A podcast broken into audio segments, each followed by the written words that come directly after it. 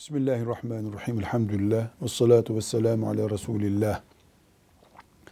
Müzik aletleri veya müziğe özellikle hizmet eden cihazlar, araçlar, nesneler üzerinden ticaret yapılabilir mi?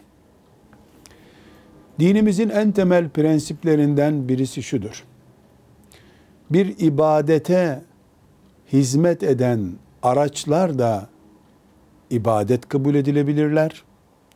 Helale hizmet eden şey de helaldir. Harama hizmet eden şeyler de haramdır. Harama hizmet eden de haram işlemektedir.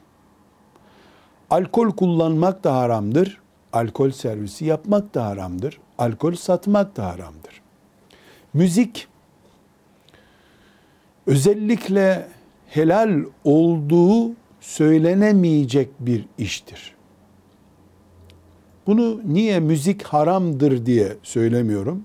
Çünkü müzikten şöyle bir bölümü, böyle bir bölümü çıkarılabilir mi diye bir tartışma yapılır.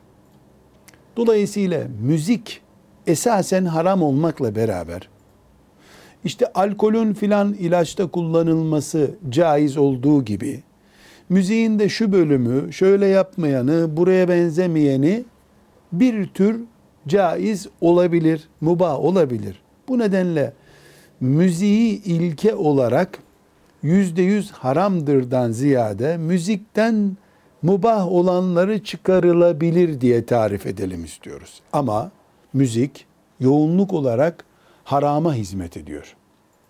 Müziğe hizmet etmek de özellikle müzik için kullanılacak mesela bir gitar, mesela bir saz veya filanca piyano gibi cihazlar veya onların seslerini kaydetmek veya benzeri dinlemeye yardım edecek cihazların ticareti de müzik neyse odur.